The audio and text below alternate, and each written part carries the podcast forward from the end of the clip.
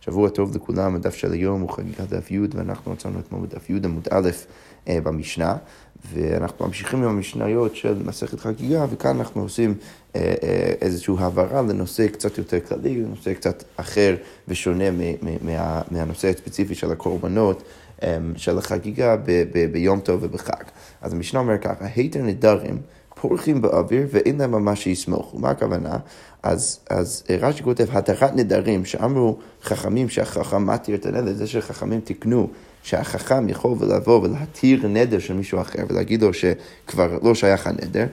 מעט רמז יש במקרא, יש לזה מעט רמז במקרא, ואין על מה לסמוך, אין באמת על מה לסמוך בפסוק, אלא שכן מסרו לחכמים בתורה שבעל פה, זה המסורת שיש לחכמים, שיש דבר כזה הייתם נדרים, אבל יש לזה ממש מעט רמז במקרא, ואין אין לזה, אה, אין לזה איזשהו, איזשהו מקור אה, אה, יציב בפסוקים.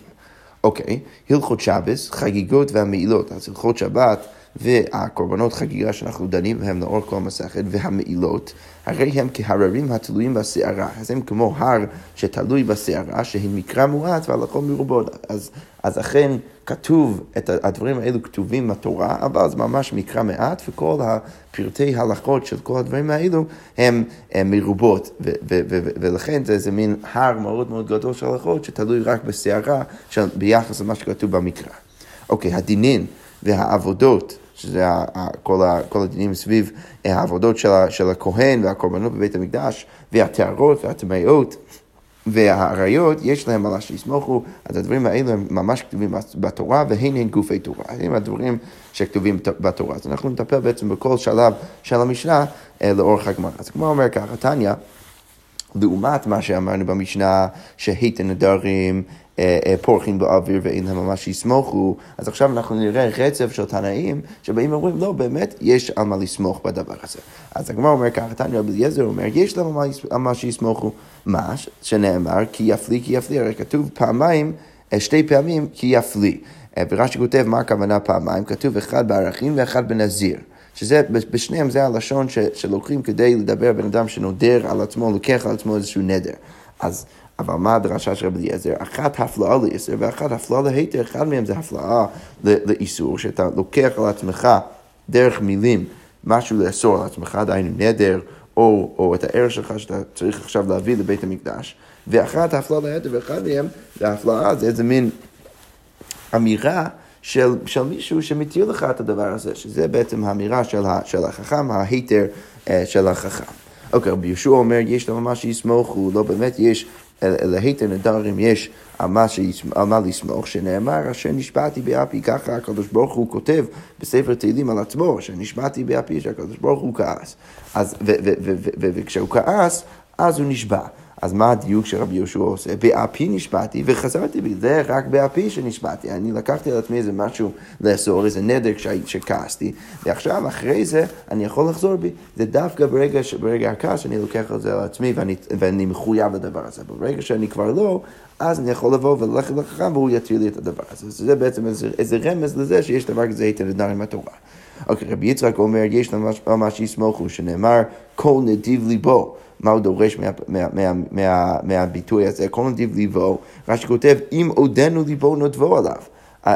אז יביאו, ואם יתחרט יתירו לו, אז הדיוק הוא שדווקא אם, אם הוא עדיין נדיב ליבו, אם הוא עדיין אה, אה, רוצה לעשות מה שהוא אמר בנדר, אבל אם הוא מתחרט, אז הוא יכול לעשות מה שנקרא היתר חכם, היתר נדרים. אוקיי, חנניה בן אחי רבי יהושע אומר, יש לנו מה שיסמוכו, שנאמר נשבעתי ואקיימה. לשמור משפטי צדקך, כך כתוב גם כן בתהילים. אז לכאורה משמע מזה, שדווקא אם אתה רוצה להקים את הנדר שלך, רש"י כותב מדיקה עומר ואי קיימה, בכלל אם רצה שלא לקיים את עיר שאם לא רוצה לקיים את הנדר, אז אפשר להתיר לו. אוקיי, אמר רב יהודה, אמר שמואל, יהובי הותם, שמואל בא ואומר, אם הייתי שם, אמרי לו, הייתי אומר לכל התנאים האלו, דידי עדיפה מדידך, הייתי מביא איזושהי דרשה שאפילו יותר טוב מכל הדרשות שלכם, שנאמר, לא יחל דברו, כתוב אצל בן אדם שלוקח לעצמו נדר, לא יחל דברו. הוא לא אמור לא, לא לעשות את מה שהוא, אמר, הוא צריך לקיים את מה שהוא אמר. אבל מה הדיוק? הוא אינו מוכל, אז הוא לא יכול לעבור על הנדר שלו. אבל אחרים אוכלים לו, אבל אנשים אחרים כן מוכלים לו, הם יכולים להתיר לו את הנדר, כי יש דבר כזה, את הנדרים. אוקיי, אמר רבא, לכולו איתלו פרחה לבר מדשמוע דלית לי פרחה. אז רבא בא ואומר, אני יכול להפריך את כל הלימודים של כל התנאים, חוץ מהלימוד עכשיו שראינו של, של שמואל. דאימי דרבי אליעזר, שהוא לימד את זה שכתוב כי יפלי כפלי פעמיים, דילמה כדרבי יהודה, שאולי, אה, שאמר משום רבי טרפון, אולי, אז זה שכתוב פעמיים כי יפלי, זה מלמד אותנו משהו אחר, לא מה שרבי אליעזר רצה ללמוד, אלא משהו אחר. דתניא, רבי יהודה אומר משום רבי טרפון, לעולם אין אחד מהם נזיר, שלא ניתנה נזירות אלא להפלאה. מה הכוונה? אז מדובר כאן במקרה ששני בני אדם רואים בן אדם אחד עובר מפניהם. ואחד מהם אומר, הריני נזיר, שזה הבא אצלנו נזיר, אז, אז הוא אומר, אני נזיר אם הוא נזיר, והשני אומר, אני נזיר אם הוא לא נזיר. עכשיו, לכאורה לוגית, אחד מהם צריך להיות נזיר ואחד מהם לא. אבל רבי יהודה אומר בשום רבי טרפון שלעולם אין אחד מהם נזיר, שניהם לא נזירים. למה? שלא ניתנה נזירות להפלאה, בזה שכתוב בתורה כמה פעמים כי יפליא, זה מלמד אותנו שכדי להיות נזיר, אז אתה צריך להגיד משהו עם, עם, עם, עם איזה חוזק, עם איזה ביטחות, אה, בטיחות, אה, כדי באמת לקחת את זה על עצמך. אבל אם, אם אתה לא יודע, ואתה אומר משהו, ואתה לוקח על עצמך נזירות בלי לדעת, התנאי שבו אתה אומר, אה, שדרכו אתה הופך להיות נזיר בלי לדעת מה, מה, מה אמיתו של דבר, אז אתה לא יכול להיות, נדר, אתה לא יכול להיות נזיר. אז, אז משם בעצם... הגמרא אומרת שאפשר להשתמש בפסוקים של רבי אליעזר ללמוד את הדרשה הזאת, אבל לא ללמוד את הדרשה של רבי אליעזר, ולכן לא ברור מאליו ש, אה, אה, ש, ש, ש, שיש להיתר נדר ממש שיסמוכו, לפחות לא מהמקור של רבי אליעזר. אוקיי, ואם את רבי יהושע, אם רציתי ללמוד מרבי יהושע, גם כן, אני יכול לדחות את זה. מה רבי יהושע אמר? שנשבעתי באפי. אז הגמרא אומרת, אם הכי גמר, אולי אפשר לפרש את הפסוק ככה, באפי נשבעתי ולא הדרנה בי. אני נשבעתי באפי, ולמרות שעכשיו אני כבר לא כועס, עדיין אני לא חוזר בי, כי אין דבר כזה היתר נדר, ולכן אולי אפשר לקרוא את הפסוק בדיוק הפוך, כדי שזה לא ילמד אותנו דבר כזה היתר נדרים. אם את רבי יצחק, הגמרא אומרת, דילמה לה פוגעים מדי שמואל, אז אם, אה, אם רציתי ללמוד מרבי יצחק, שרבי יצחק למד את זה מהביטוי כל נדיב ליבו, אולי הפסוק הזה בא למעט ולהוציא ולחלוק על שיטת שמואל. דאמר שמואל, גמר בליבו צריך שיוציא בשפתיו. אז, אז שמואל חושב שאם בן אדם גמר בליבו להביא, להביא איזה משהו לבית המקדש ולקח על עצמו איזשהו נדר, אז הוא בכל זאת צריך שיוציא בשפתיו, כי הדברים שבלב אינם דברים. הוא צריך להגיד בעל פה את משהו, בקול רם את מה שהוא חושב. עכשיו, אולי הפסוק של רבי יצחק בא וחולק על שמוע, והר משמע לן, דאף אגב לא הוציא בשפתיו, כי זה כל נתיב ליבו, ולכן אולי זה מלמד אותנו את זה, ולא את הנקודה שיש דבר כזה היתר נדרים.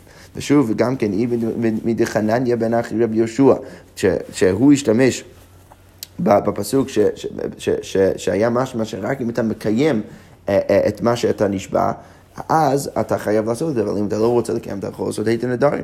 אבל אולי דילמה כדרב גידל אמר רב, אולי צריך להשתמש בפסוק הזה, כמו האמירה של רב גידל אמר רב, דאמר רב גידל אמר רב, מניין שנשבע אם לקיים את המצווה, מאיפה אנחנו יודעים שבן אדם נשבע כדי לקיים את המצווה, אפילו אם זה מצווה שבכל זאת מצווה לעשות אותה, מאיפה אנחנו יודעים שהוא יכול אפילו להישבע, לקחת על עצמו לקיים את אותו הדבר, שנאמר נשבעתי ויקיימה לשמור משפטי תיקחה, הרי כתוב בספר תהילים שלמד אותנו שבן אדם יכול להישבע דווקא אפילו אם זה אומר רק לקיים את, את משפטי צדקך, את, את, את המצוות של הקדוש ברוך הוא. אז זה ככה מלמד אותנו um, דבר אחר. עכשיו, מזה שהשתמשנו בכל הפסוקים של התנאים לדברים אחרים, זה בעצם אומר שיש להם, יש כל אחד ואחד מהם אה, פרחה, יש, אה, אפשר להפריך כל אחד ואחד מהם, ובעצם להשתמש בפסוקים למשהו אחר. אבל אלא דשמואל אין לי פרחה, של שמואל אין לו שום פרחה. הגמרא אומרת, אמר רב ואיתם אה, רב נחמן רבי יצחק, היינו דאמרין שזה מעיד על הביטוי שאנשים אומרים בחיים, תו אחד הפיל בתוך הריפתא ממלא צנע דקארי. אז יותר טוב פלפל אחד חריף מאשר סל שלם של, של דלעת. אוקיי, אז זה ככה מטפל בשאלה הראשונה, האם להיתר נדרים יש לו, האם יש לו על מה לסמוך, על מה לסמוך בתורה, או האם זה, פורח, או האם זה פורח באוויר. אוקיי, עכשיו אנחנו נעבור לשלב הבא. אמרנו במשנה גם כן שהלכות שבס הם כמו הררים התלויים בסערה. אוקיי, אבל מה אומרת מכתב כתיב? למה אתה אומר שזה לא כתוב בתורה? כתוב מלא פעמים הלכות שבס בתורה, אז למה אתה בא ואומר שזה רק הר התלוי בסערה? אז גמרא אומרת, לא צריכה לכדרבי אבא. זה שדיברנו על המשנה על הלכות שבת ש, ש, שהם כמו הר התלוי בסערה, זה רק במקרה מאוד מאוד ספציפי של הלכות שבת. כמו רבי אבא, דאמר רבי אבא, חופר גומה בשבס ואין צריך אלא להפרה, בן אדם שחופר גומה בשבת, אבל הוא לא צריך את הגומה, אלא הוא רק צריך את האפר, שזה מה שנקרא מלאכה שאינה צריכה לגופה, כי הוא לא צריך את, משהו, את המלאכה שהוא עושה, הבן אדם בדרך כלל שהוא חופר, הוא רוצה את הבור.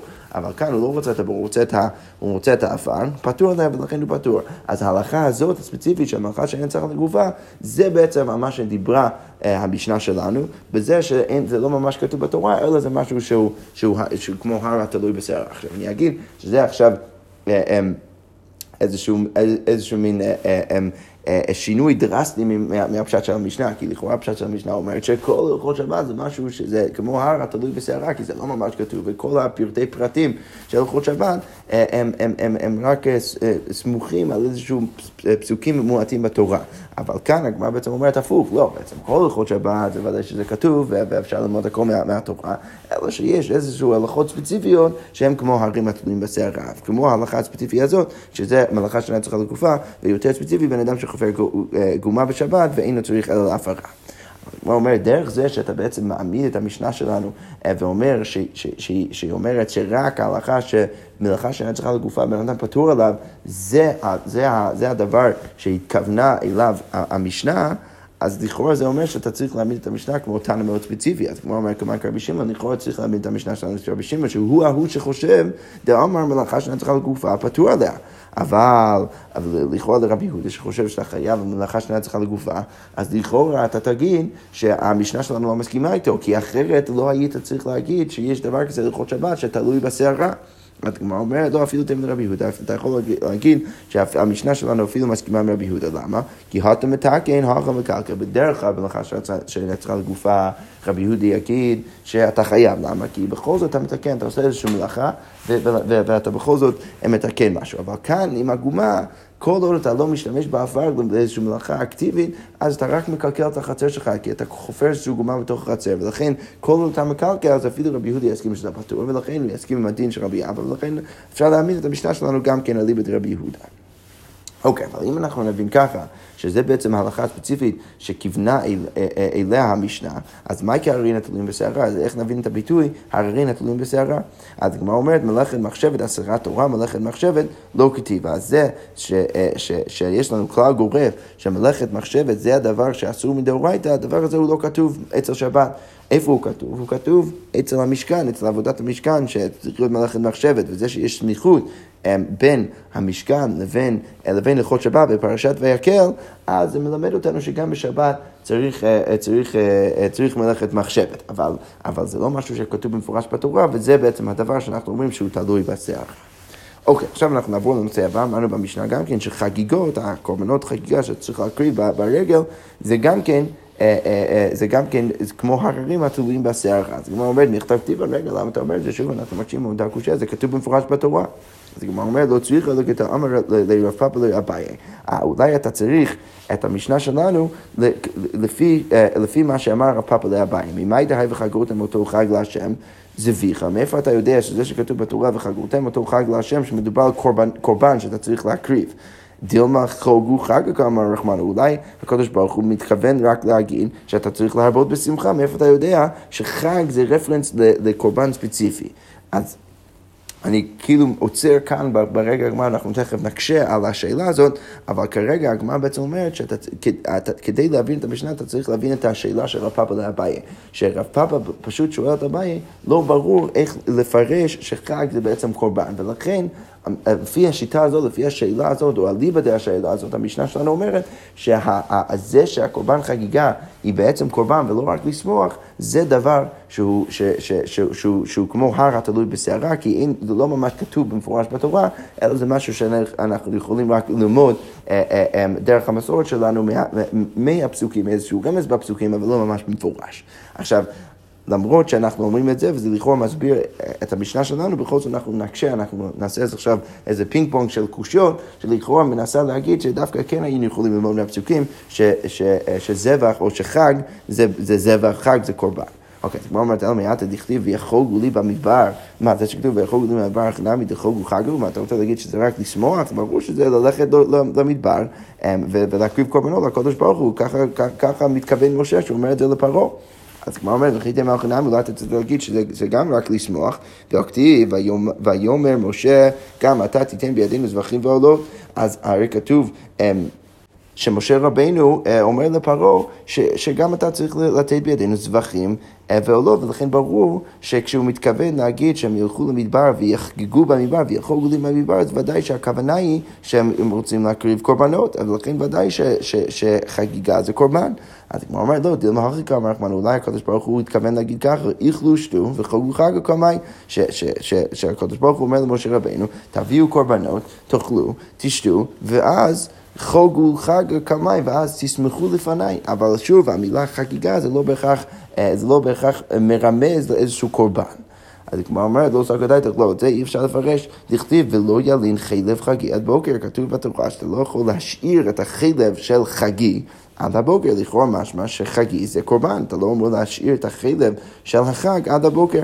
אז הגמרא אומרת, איסר כדאי תחוגו, אתה רוצה להגיד שזה רק לשמוח תרבה לחג היית מה יש חלב לקורבן? אה, סליחה, יש, סליחה, בדיוק הפוך, יש חלב לשמחה, זה שאתה משמח? לא, זה לא רלוונטי, ברור שהחלב מוסב על איזשהו קורבן, אז לכן צריך להגיד שחגי זה, זה קורבן. הוא אומר, לא, דילמה הכי כמה רחמן, אולי הכוונה של הפסוק זה להגיד ככה, חלב הבא בזמן חג לא ילין. אם אתה מקריב קורבן בזמן החג, אז לחלב הזה אתה לא יכול להקריב, אה, אתה לא יכול להשאיר עד הבוקר. אבל... אבל להגיד שהחג עצמו זה מעיד על הקורבן, זה לא בהכרח צריך להגיד. והגמרא אומרת שוב, אלא מעטה, הבא בזמן חג, הוא דלא ילין, כל השנה כולה ילין, מה אתה רוצה להגיד שאם אתה אומר ככה, אז זה רק הקורבנות שאתה מביא בזמן החג, שאתה לא אמור להשאיר עד הבוקר, אבל כל, השאר, כל השנה כולה אתה יכול להשאיר את הכל עד הבוקר, כל הלילה עד הבוקר, כתיב, הרי כתוב כל הלילה עד הבוקר. אז לכאורה משמע אה, אה, שאצל כל, כל הקורבנות אתה לא יכול להשאיר אותם, לכן אתה לא יכול לפרש שזה שכתוב חלב חגי עד בוקר, זה רק נוסף על הקורבנות שאתה מביא בזמן החג. לכאורה צריך להגיד שזה החלב של, של הקורבן, של החגיגה. אז הגמרא אומרת, דילמה, אם ההוא, הווה אמינא ההוא לעשי כתב רחמנא היי ללאו.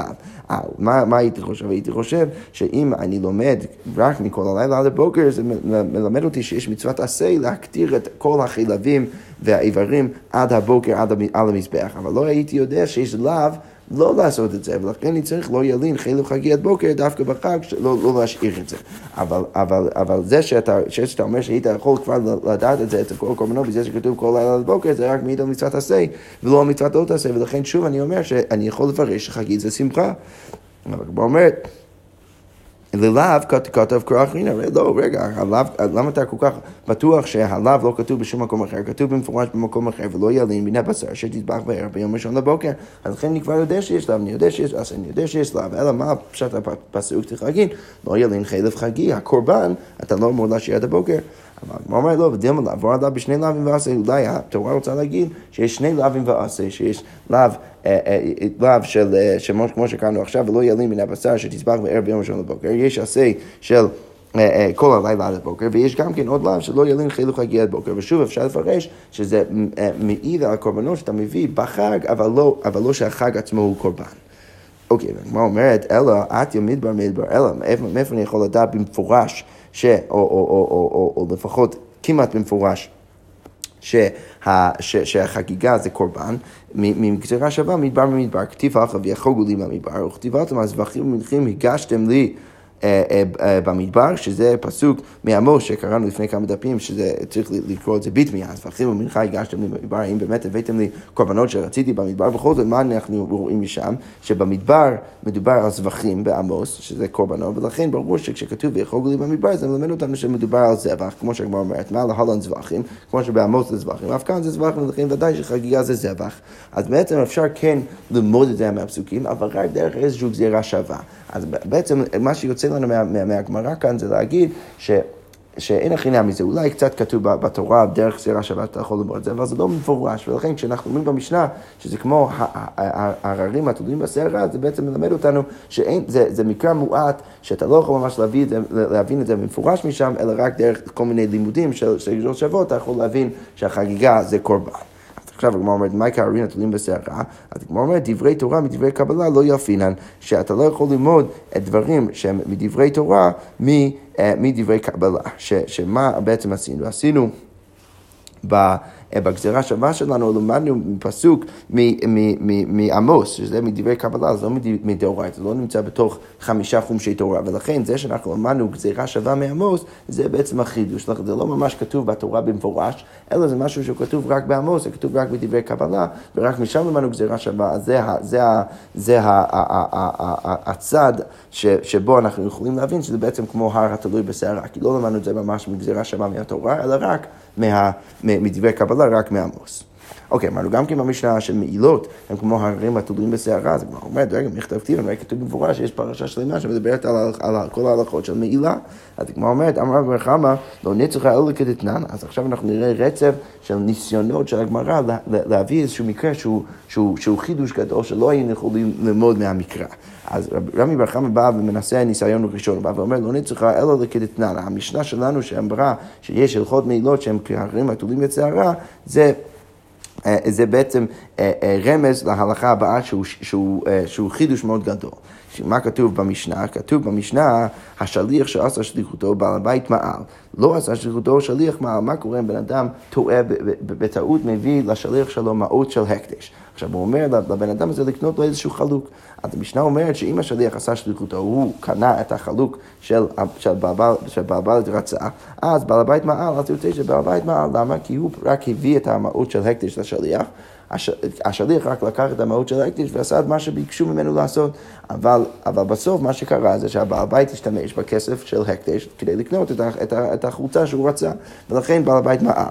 לא עשה שליחותו, אם הוא לא עשה את השליחות שלו, אז השליח מעל, כי הרי אז הוא סטה ממה שהבעל הבית רצה שהוא יעשה, ולכן אתה לא יכול להגיד שהבעל הבית מעל, אלא השליח השתמש במות הקדש לאיזה משהו ייחודי, ולכן הוא מעל. עכשיו, מה הקושייה זה? הקושייה זה זה המקרה הראשון. ברגע שהשליח עשה שליחותו, למה אנחנו בעצם אומרים שהבעל הבית מעל? לכאורה קצת משונה. אז הגמרא אומרת, וכי עשה שליחותו המים מעל, כשברגע שהוא עשה את שליחותו, למה אנחנו אומרים שהבעל הבית מעל? וכי זה חוטא וזה מתחייב, אנחנו, יש לנו איזשהו, אה, אה, יש לנו איזשהו הלכה שאנחנו נגיד שאם בן אדם אחד חוטא, אז הבן אדם השני חייב, זה לא הגיוני, הרי מה הכלל שיש לנו? יש לנו כלל, אין שליח לדבר עבירה. אז כשבן אדם עושה עבירה, אז הוא אחראי על זה, אתה לא יכול להגיד שהוא היה רק שליח לבן אדם אחר ולחייב את הבעל, זה לא הגיוני. אז הגמרא אומרת, היינו כהרים נתונים בסערה, אז זה בעצם המקרה שדיברה עליו משנה, המשנה, אה, אה, שזה כמו הר התלוי בסערה. שוב אני, אני אגיד שזה מאוד דומה למהלך שעשינו בהלכות שבת, שאנחנו בעצם אומרים שהכוונה היא מאוד מאוד ספציפית במשנה, שיש איזה מקרה ייחודי שהוא כמו הר התלוי בסערה, אבל בדרך כלל כל ההלכות נכנם באמת כתובים בתורה. אוקיי, אה, אמ, אה, אבל הגמרא אומרת, אמר רבו, מה קושה, למה זה כזה קשה? לכאורה זה פשוט. דילמה שאני מעילה דיאלפא חית חית מתרומה, אפשר ללמוד גזירה שווה לתרומה, מה הותם שלוחו של אדם כמותו, כמו שבתרומה שלוחו של אדם כמותו, ולכן בן אדם יכול להפריש תרומה בשביל מישהו אחר. אז אף כאן שלוחו של אדם כמותו, ולכן גם כאן שלוחו של אדם כמותו, ולכן ברגע שהשליח משתמש בכסף למה שהבעל הבית אה, אה, אה, ביקש ממנו להשתמש בכסף, אז בעל הבית מעל, ולכן זה לא כזה חידוש להגיד את זה, זה לא כמו הר התלוי בסערה. אלא מה, אנחנו צריכים דוגמה אחרת. אז הגמרא אומרת, אלא מה רבא לא נצטרך אלא כדתנא, אנחנו צריכים את המשנה שלנו לברית הבאה. נזכר בעל הבית ולא נזכר שליח, שליח מה, מה קורה עם בעל הבית? נזכר אה, לפני שהשליח השתמש בכסף, אבל הוא לא הספיק להגיד לו, ואז השליח עשה שליחותו. אז במקרה כזה אנחנו נגיד שהשליח מעל. הגמרא אומרת, שליח עניה, מייקה אבידה, השליח העני הזה, מה, מה הוא עשה שבגלל זה אנחנו מחייבים אותו? הרי לכאורה משמע שהבן אדם הזה, הוא, הוא, אנחנו, אנחנו יודעים, רש"י כותב, נהי דבעל הבית פטור, דכיוון דנזכר אנא צהדי דתו לא ניחא די בשליחותי. אז בסדר, אני יכול להבין למה, למה הבעל הבית פטור, בגלל שהוא כבר לא רוצה שהשליח יעשה את העבודה הזאת. אבל, אה, אבל, אבל מי השליח, מה יבין, מה השליח עשה? הרי השליח עשה מה, מה שביקשו ממנו לעשות, איך אתה יכול לחייב אותו? אז, אז, אז, אז הגמרא אומר ככה, עכשיו היינו כארין נטולים בשר. אז זה בעצם ההלכה ש, ש, שהוא יותר, שהיא יותר מקודשת, וזה הדבר שדיברה עליו המשנה, כשהיא אמרה ש, שיש משהו בהלכות מעילות, שזה כמו הרים התולים בסערה. אבל שוב, הגמרא אומרת אמר רבשי, מה הקושי, למה זה כזה חידוש? דילמה מידי דהבה מוציא מאוד הקדש לחולין. אולי הוא כמו כל שאר בני אדם שמוציאים הקדש לחולין בשוגג, אז כשמוציאים הקדש אה, לחולין בשוגג, אז אתה חייב מעילה. אז אולי השליח הוא בדיוק כמו כל שאר האנשים שמשתמשים בטעות בכסף של הקדש, וברגע שהוא משתמש בכסף אז יוצא לחולין, והוא עובר לאיסור מעילה, הוא צריך להחזיר את הכסף הזה, או כמות כסף הזה, הערך של הכסף הזה לבית המקדש, ועוד חומש ולהקריב גם כן קורבן. זה בעצם הלכות מעילה בכללי, בן אדם שעושה את זה בטעות, הוא צריך עכשיו לשלם את הקנס להר הבית, לבית המקדש. אז למה זה כזה חידוש שהשליח כאן יהיה חייב? אז הגמרא אומרת, אלא... אה, אמ, אלא אנחנו צריכים עוד, עוד מקרה לה, לה, להגיד, שהמשנה, להגיד שעליו דיברה המשנה. אז הגמרא אומרת, אלא אמר רב אשי, לא נצרה אלא לכתת, אנחנו צריכים את המשנה למקרה הבא. נטל אבן או קורה של הקדש, בן אדם שלקח איזשהו אבן או קורה של הקדש, אחרי זה לא מעל, אז עד שהוא רק לקח את זה, אז בסדר גמור, הוא לא עשה מעילה. נתנה לחברו, מה קורה אם הוא עכשיו מביא את זה לחברו? הוא מעל וחברו לא מעל. אז עכשיו הוא מועל. כי הוא מביא את זה לחברו, וחברו לא מעל. אבל הגמרא אומרת, מחדי משקל שקלי מאלי, הוא מאלי חברו, הרי שניהם רק לקחו את זה, אז למה זה משנה? אם אתה מחייב אותו ברגע שהוא מביא את זה לחבר שלו, אז למה הוא לא חייב כבר שהוא לוקח את זה? כי, כי הרי כבר שאתה אומר שבלקיחה זה מספיק, אתה לא ממש צריך להשתמש בקורת. אם אתה כבר אומר את זה, אז כבר הוא צריך להיות חייב, אפילו כשהוא לוקח את זה בעצמו. למה הוא חייב רק כשהוא מביא את זה לחברו? אז היא אומרת, היינו קרין התלויים בשערה. זה הדבר שהוא, שהוא כמו הר התלוי בשערה, לא ברור אה, איך להבין את ההלכה הזאת. אבל כמו אומרת עדיין, ומאי קושיא, כדי שמואל, אולי אפשר להגיד כשמואל, דאמר שמואל, במקרה הזה שאמרנו שאם הוא לוקח את זה בהתחלה הוא לא מועל, ואז הוא מביא את זה לחברו, אז הוא מועל, אז שמואל מעמיד את זה במקרה מאוד ספציפי. הוכה בגזבר המסורות לאבני בניין. עסקינא, מדובר על הגזבר של בית המקדש, שבדרך כלל יש לו את כל האבנים והקורות של הקדש, ולכן ברגע שהוא לוקח הוא לא מועל, ורק כשהוא מביא את זה לחברו, לחבר, לחבר שלו, אז מועל, וזה מאוד מאוד מובן, כמו שהגמרא אומרת, כל היכל למענך ברשות ידידי מענך, כל מקום שהוא לוקח את זה, אז הוא מניח את זה ברשות שלו, אז כל עוד הוא רק לוקח את זה, הוא לא מועל, זה התפקיד שלו, שהוא, שיהיה אצלו כל הקורות של הקדש. רק כשהוא מביא את זה לחברו, אז הוא מועל. הגמרא בעצם אומרת, גם הפתרון של רבשי זה לא מסתדר, אפשר להעמיד את המקרה כשמוע, וזה לא כזה חידוש. ולכן שוב אנחנו צריכים להבין איזשהו מקרה שהוא מאוד מאוד מחודש, ולהבין למה המשנה שלנו אמרה שההלכות מעילם כמו ההרים התלויים בסערה. אז הגמרא אומרת, אלא מסיפא, אז, אז מאיפה אפשר ללמוד שיש איזשהו מקרה ייחודי וחידושי שעליו דיברה המשנה, אז אפשר ללמוד את זה מהסיפא, שמה כתוב בסיפא? בנאה בתוך ביתו, הרי זה לא מעל עד שידור תחתיה אבשה ופרוטה. אם הבן אדם השתמש בקורה הזאת ובנה את זה בתוך הבית שלו, אז עדיין הוא לא מועל, עד שהוא ממש גר ונהנה מהקורה הזאת בתוך הבית. אז הוא אה, עובר לאיסור מעילה.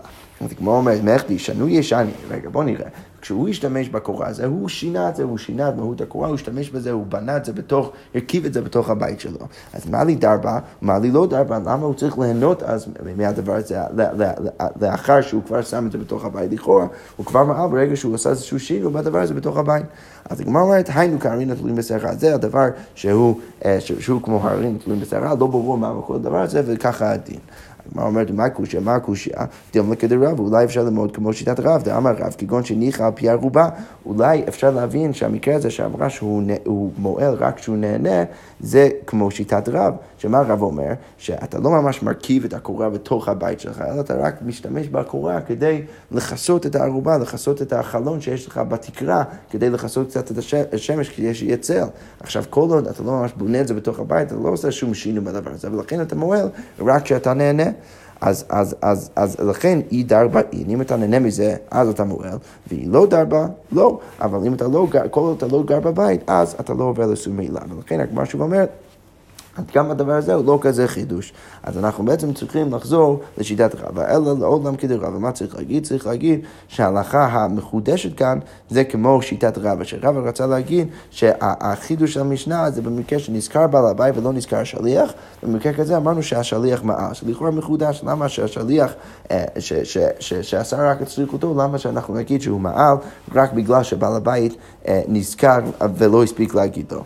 והגמרא אומרת, זה שהקשית רב אשי ואמרת, אה, אה, ואמרת שזה לא כזה חידוש, למה אמרת שזה לא כזה חידוש? כאילו, זה, זה, כמו כל שאר האנשים שמשתמשים במאוד של הקדיש בשוגג, ככה עוברים על אישור מעילה. הגמרא אומרת, ודקקשי לך מידי דהבה מוציא מאות הקדש לחולין, הטה מידי ידע דאיכא זוזי דהקדש. שמה מדובר על מקרה שבן אדם יודע שיש איפשהו איזשהו אה, מעות של הקדש, והיא באה אלינו לעיון, והיה צריך להסתכל, ולכן הוא עובר על, על איסור מעילה. יש איזושהי פשיעה בדבר.